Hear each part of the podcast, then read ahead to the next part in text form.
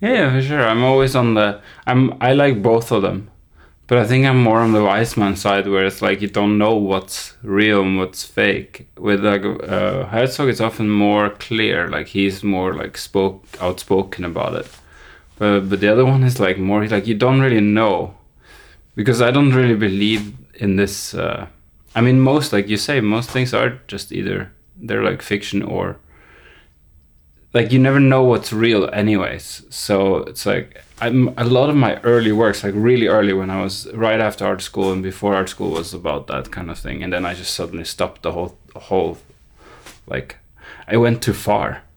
Like i got really into this idea about creating sort of like real life scenarios that weren't really like supposed to be real. You know what i mean? Like you would create scenarios in real life performances, but they weren't like really normal ways of being in public or something. So it would always create this sort of changes in people's perception of this environment. But uh, yeah, it's not. Uh, you also put. Then you also start to sort of like there's like ethical and moral implications in that, and like there's a lot of things that comes into play when you start to do this kind of things with other people that are not necessarily agreeing on being a part of something. So yeah, it's interesting, interesting world because I was uh, I was studying film and then you off you get into this. I studied film. I actually mainly studied film, you know, but never really did film. But I don't see it like that kind of film is like the language of film is more like about the way like exactly what you say the way you reveal certain things and the way you sort of deal with narratives and the way you deal with with imagery and visuals and, and aesthetics and all of these things combined right and sound. And like all of these things combined is like the na- how you tell a story but it's always a story you know regardless how real you try to make it. So and that's i think that's also you could do that with performances, or you could do that with music. You could do that with anything. I think it was the trigger. I got less interested in this sort of reaction based art, which is always about sort of shocking people or like creating some sort of edge to your work so that like people will have a reaction to it, like you're sort of provoking a reaction which is very common nowadays. I mean, most things you see, I would argue, is still in that category, and most things that sort of surfaces and has a life is often in that category of like provoking a reaction. But uh, over the years, like I don't know, the last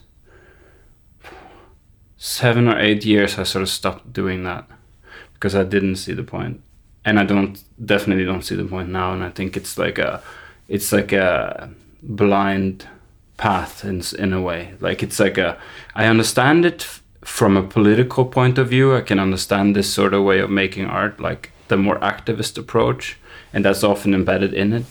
But from like um, but I do think there's many ways of doing something if you want to reach a goal or if you want to re- achieve something, especially from an activist point of view. And I don't think the only way is provocation. So uh, and especially not in art because I don't think art is like an efficient means of like uh, of action. You know, I think it's more of a reflective part of action, and it can be like embedded with action. But yeah, anyways, this is uh, so yeah. I stopped doing that uh, for very sort of conscious reasons. Um, because you would always then have to sort of react. It's like it becomes this pattern of reaction, and then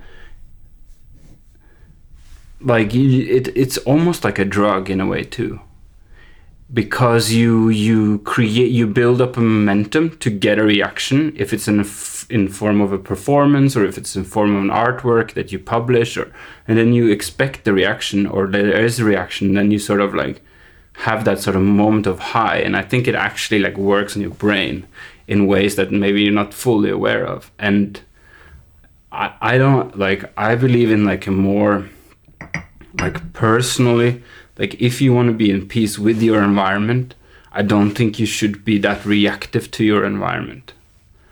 Of course that's maybe easy to say uh, if you take if you criticize it from a political point of view but I also think that that even from the most extreme political point of view, this would benefit you.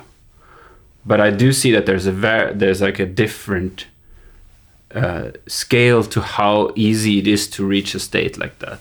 There's there's like of course people go through different struggles and so on, and therefore the struggles have different sort of magnitude, and, based on that, you can also see why some why you can become very reactive to environments. So I don't want to say that it's like something that everyone should achieve. I just say that it's something that I that I personally strive for. So I think my work started to reflect that more, the sort of the the, the path for this. Yeah. right. So it would be like staging specific performances in um, art venues that would be sort of not planned and uh, they wouldn't be agreed upon or anything. Or in public, for example, once I made like a sort of inflatable sculpture that was like two meter by something, but it was with a diving tank, so it would be like high pressured air, and then it was like inflated in a subway wagon, but it wasn't like affecting anyone directly, but it had this sort of like almost terroristic feeling to it because of this moment of, of, of high air pressure into this into this balloon. And that sort of created this change like before this nobody was uh, talking to each other in this wagon but because of this action it just created this like change in the reaction and everyone started to have a conversation with each other. Nobody was really like offended by me or anything but there was this moment of like sort of like okay what happened? This is not something normal but it's also not something dangerous so it creates this sort of like first like maybe a bit frightening because it's it's a it's a, it's a sort of alien action. And then the second is more like oh we have something we have a commonality. Like we have this thing we share now because we experienced this together. So yeah and i was more or less the creator of this and trying to sort of see if that was like a yeah there was like an interaction. But of course you can't really pers- you can't really foresee all the reactions and all of these things and you enter like a very sort of like fine line territory of like where you have to be very careful with how you execute these things. So and also you expect a certain reaction and what if you don't get that? When you do it will you then just accept this or will you then try to, to like top it or make something that will create a reaction like this so I yeah I, I don't think that it was something I wanted to further pursue. So that's just one example, and there's many more. but uh, yeah, so I think that if you look at it from, it's an interesting thing because it was sort of peaceful in its way, but it mimicked the language of something very not peaceful.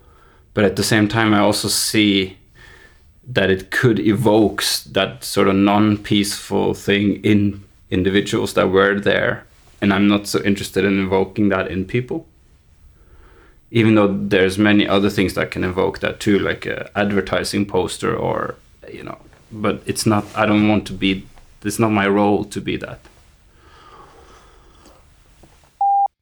yeah but i don't want to speak too much about this past because it's not like really I'm not. It's such a long time ago, and I'm not really concerned with this. And I know I don't really publish much about it either. It was sort of before the internet. There was one thing I did that was more or less like broadcasted online, and it was sort of online work. But except from that, I didn't really. You know, it's not. It's not my. It's not what I want to. It was more like a process to understand how these things works and I do think a lot of art nowadays is like this, like a lot. Like it's all about reaction, because we've built all these platforms and stuff to sort of like mediate reaction to an extreme. And I think it's really like. Personally, I don't think it's healthy for anyone per- performers or individuals involved and the audience. I don't think it's healthy. This this sort of like having these platforms in between this to mediate these experiences. So, yeah, because I do think that you you have to be fully aware of the whole process that happens when you create this sort of content or like call it like or do this sort of performances or create this identity so what people do to do this. I think you have to be fully aware of the whole process what it involves. And it also involves like global companies making profit from you creating this this content. And i do think that's something that i personally don't want to be engaged in in this way and it's tricky it's very tricky because there's politics involved in it too and there's like all these things and it's like these platforms they benefit more from more extreme content that is just inside the safety zone. So it needs to be safe enough to publish but then it needs to be edgy enough for people to click on it. And that is what they love. So they love like any sort of political content that is not too explicit this is what will feed their their algorithm basically. It's like the food for the algorithm and this is what they love. And if you're aware of this to the extent that you also become an actor of that you you could from the outside look like you're just a supplier of that content. Like you're in a supply chain you're a supplier of that content and even if you have a heartfelt message and you believe in this message deeply, from the outside, you're still a supplier of that content. And I personally don't want to be a supplier of that content. But I understand that this is a very sort of tricky area because people want their message to be delivered and reach people. And this is maybe the only means we have to do that right now so that's why it ends up like this. So i don't want to judge anyone based on it but i just say that you are a supplier of content that does create money for a company. And yeah it's i think it's more sad than anything to be honest that we are like trapped in this sort of like dystopian it's very dystopian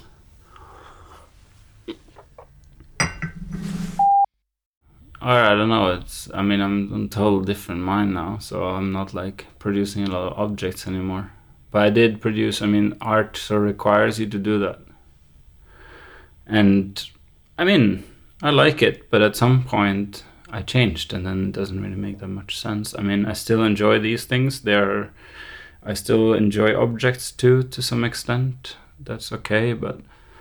Um, they were often just sort of like things that come out of a process, right? And you work through material, you work through things, and then it ends up in this object, and it's like there is this place to show it, just like there's a stage to stand on. So, yeah. Nowadays, I still make objects, but they're mainly digital. And for example, I've been working on seeing if I could make some prints out of them, which would then materialize, right? So then I have this question okay, if you want to materialize this, how do you do it? So this is like an ongoing uh, thing now because of the different mindset. I sort of like question the materialization of this. Digital files are also material, but the impact is not that high compared to like the processes of creating like large prints or like shipping this around and you know i mean i have a hard drive of say like 5 terabyte or whatever and you can store i don't know 60 70,000 images on it or way more than that probably. I don't you know i don't know the numbers but so i mean that's 60 70,000 artworks it's you that uh, account the value of it like you know this the, the sort of the problem with digital is that it has the potential of endless amount and art doesn't really like that because it needs a marketplace where it where it quantifies things into like small editions and so on. So i'm working on a on a print solution that is in relation to this automated bot but uh, I will probably um, find a way to do that a, eh, that it doesn't really fall into this uh, marketplace in that way. So I think you can the thing is that with this mindset, you're not really gonna succeed in art. I can just warn you about that. So, uh, because it's not, it doesn't cater the marketplace. It doesn't cater exhibitions. In exhibitions, you often need objects.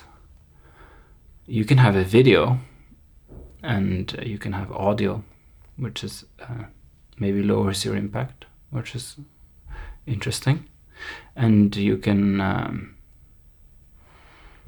um, but and you can sell those as a materialization, but they often don't sell as well. So you have that issue, and um, yeah, you often sell them as installations, for example. Like I've done an installation with sound, for example, and then that becomes a piece because it's an installation with sound. Um, yeah, so I think this sort of obsession with material uh, in art, and also, I mean, the impact is not our biggest problem in terms of if you would rate the impact of things. But I still don't think that it's like a, even necessary often to to do this, and uh, there's a lot of other activities we could be doing. If you think of it as like what is art making and if you get down to sort of the essence of it, I don't think it purely needs to be like post internet objects in a gallery. I don't think that's like the end of art making or like the, the finalization of art making. So, is it art when I just don't, when I just observe? Is it art? you know it doesn't have this materialistic value it, it, can't really be sold in that way i'm not interested in exhibited in a gallery space maybe you can buy this podcast. But is it is it art? You know i don't know if that's even an interesting question to ask. Is it an enjoyable thing to do? Do you feel alive? Maybe yes and, and that's maybe enough. Um, some people have tried to immaterialize art and it never worked because the marketplace requires it. So, immaterialization of art would require you to materialize it in forms of in form of text or in form of like perceived presence in the future or something or like presumed presence in the future. So like you would say, I will make a performance for you at XYZ space uh, at this time, and then you pay f- to buy that piece, or you pay f- to buy this conceptual work of this text, right? So it's a, it's like a, it's almost a projected materialization, you know. So I'm not sure if Im- immaterializing art has ever worked because it's always like always ends up in some transaction of something like if it's a paper or if it's like you know it's always but you can definitely have a lower impact. But at the same time like if you're doing some piece and you need to fly in like 100 performers to do this piece that you sold some years ago as like a immaterial work then you maybe have to question that.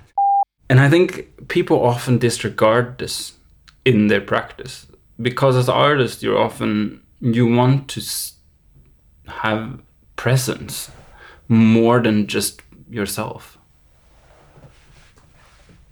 and i think it has a it's an ego built into this too and um, yeah not that objects in art has a huge huge environmental impact most of the time but take an example right you're gonna melt some serious amount of ice to tell people about climate change. What, why do you need to represent climate change with ice?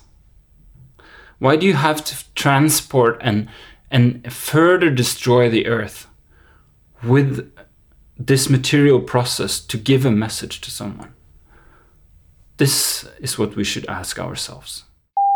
I kind of removed myself already. I don't go to any openings. I don't really make art uh, for art space. I haven't shown much art recently, so kind of yes. I mean, not that I have anything against it, and I, I have many uh, friends that are artists, and I enjoy what they make. It's just that I personally don't. Um, yeah, there is like if you want to make a living from that, you kind of need to materialize it in some form or another, or you need to travel around the world to present your flesh. Not interested. Yeah, like if you make lectures about something, you will end up flying around the world presenting those lectures, and that will be you're the object then. So I'm not interested in that either. I was in that sort of cycle of doing that, and I said no, I don't want to do that. So, yeah, you'll find you have to sort of find your way to do that to negotiate all of this. I'm not going to judge you based on you doing that because everyone needs to make a living. And I have total understanding for like that people need to make a living. Like it's just reality. And we are all in this sort of system that makes us do these things and that's fine. And some people enjoy it and some people don't and yeah, but I haven't really made any physical work recently and yeah i'm reconsidering these things. Um, there will come something but it was also planned years ago. And it's sort of like i don't stop it i just let it go. I think my passion for tea i don't know. I just really enjoy this. I mean right now it's it's very casual actually it's sort of like I drink tea. I drink it from anything. I drink it. Um, I do enjoy the moments I have with people. I think it's a people thing to do. Like you can do it with other people, and it's a great thing to do. I don't think tea needs to be from Asia or anything like that. It can be your uh, your local tree. It doesn't need to. Uh, it shouldn't require much shouldn't require any gear. It should just require like a cup maybe and a thermos maybe because you need hot water. But you know, that's I'm more into the simplicity of it now. I used to be more into the collecting of it. So I changed my idea, but I'm still very passionate about it in all manners, like in all ways it's a fascinating world. Like just like everything else you can collect and everything else you can consume. I mean, I think the reason why I got into tea was that um, it was sort of a thing you could drink. So it's like it's not purely an object in that way. It's also something you you drink and and then it's over so it's not like it just stacks up. You can you actually like finish things. So uh, this is a great part about about the sort of immateriality of it's not the immaterial it's the temporality of it. The temporality of tea i think is really great. So that it's something you should drink. You shouldn't just store I think pu'er is an amazing tea type, and um, I could speak about that for hours. Uh, and it's a fascinating topic, but it should be drunk. It should you should really like you shouldn't just stack up on cakes. You should drink them, and you should share them with people. Such a great thing. So, please, please. Uh, but of course, aging tea is great because it follows you through the years, just like a tree or anything out there. You know, it's it's a great thing. Just like seeing a person age is beautiful, and that's the same with tea. It's you know, it's no difference, really. But I'm more into local teas now, so I've been collecting and foraging teas because there's enough tea in your environment. You might not have the procedure, might not have the like physical effect on you in the same way, but it has other effects. And uh, you get out there, you pick, and you can drink local teas. So here in Slovakia, for example, I went to the shop to buy their teas, their local teas, and uh, I wanted to see. And it was really hard to find local products here but eventually I found and uh, I stacked up on some local teas because there is a of course in Asia they or in China and Japan and Taiwan especially in Korea but actually a lot of other Asian countries like Thailand and so on Indonesia Malaysia they have very interesting tea culture. We don't have the same culture around herbal tea and I find that a pity because herbal tea is great like people are like oh I really like this pu'er because it's stored in this way, the Hong Kong method. I really like this. And I won't drink this like shu pu'er because it's like, oh, it's so tough on my body. And it's like, I don't know, this like fast aging, not into it, right? That's like that side. And then you could go like, you know, I really like this lavender. It's not like the lavender from France, or it's not like the lavender from south of France, even. I really like the north the lavender from the north. You could go about lavender in the same way, but nobody does. Why? Is because we have no tea culture. We just have this consumption culture. So, and I'm not arguing for an elitist tea culture around herbal tea. No, I'm not. I'm just saying that like people get preferences when they're uh, exposed to things, and uh, it's nice to have preferences, and it's nice to refine your preferences. Everyone does it. So it's just that I wish we would do it with things around us more than uh, just this sort of dream of the uh, of the of something else, you know, that is far far away. Yes, there's been a lot of debates about whether machine learning can be racist and so on, and that it comes out of the society we're born in, or that we live in. And yes, for sure it does. But which other uh, technological system or invention re- reflects something outside of this of the world we live in, or in the system we live in, or society we live in? Like I never seen it. Like you could try to present it to me, but it doesn't. Like maybe it exists in theory, but first of all, you're never going to get the funds to build that. But you can correct the current systems that exists but if you correct them, you also correct society. Because these things are like simultaneous processes that happens together. It's like that you become uh, that something that a, force in society makes us aware of something will change society to that direction. It made us aware of it maybe or it will keep fighting to become make people aware of it until the point of change but it will be a change both on societal level and then on software level and so on. So these things are not separated. So, and then you will actually just create that idea of society. Right? So, um, so if you have a racist machine learning algorithm and you get away from it and you create a non-racist, right?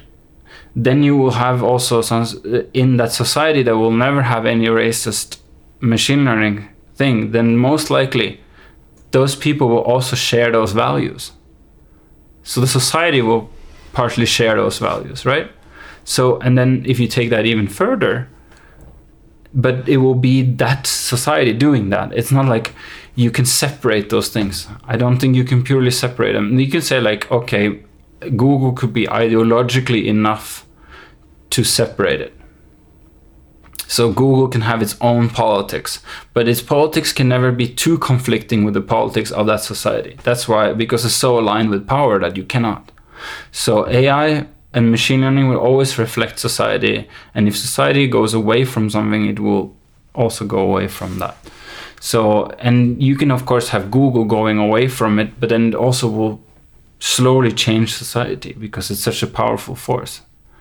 So if because machine learning could be racist, but it could also be on a very small scale, like maybe hardly applied in society at all, then it wouldn't be as big of a topic. It's because it's applied everywhere, it becomes a big topic. And therefore, it's also a big part of society.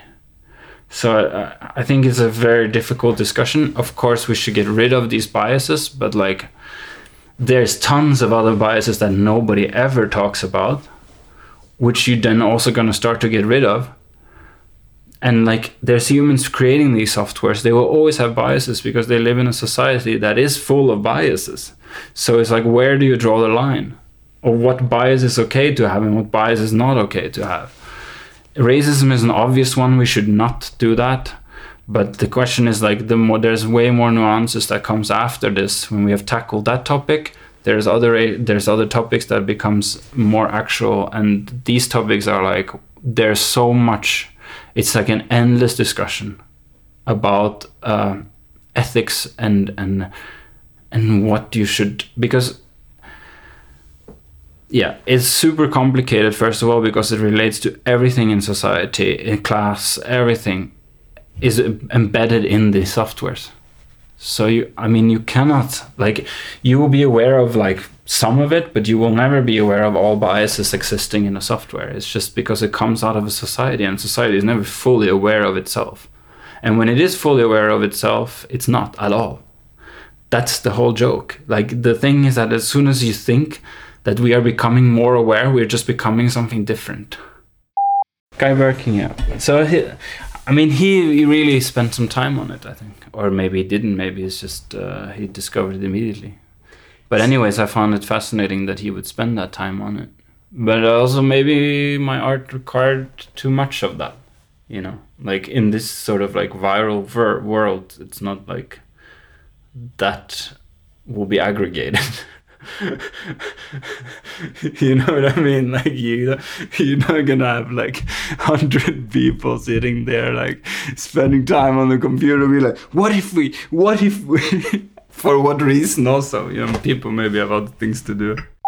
That was pretty precise. He was probably like, at least with that track, that was sort of the purpose. It was. A, he didn't get some parts of it though. If you want to get into the nitty gritty of that, I never really talked to him about it, but like because this i mean the whole record was quite uh, it it was like he didn't get the he he did get what how you could relate that image to what and wh- where and like so on but he didn't get like the con the conceptual part of like how, what the track how the track related to other tracks and how the track and what it sort of symbolized in terms of the record he didn't talk too much about that part, which it had like it was a lot about sort of mediation itself also. So there was this sort of idea of like you can like trace this back to this, but it was also about this sort of like um, distance between you and the image and the distance between you and these things that you just see, but they're like real events that are then mediated. So it was like this, and then it was this sort of the distance from it and what it has done to us.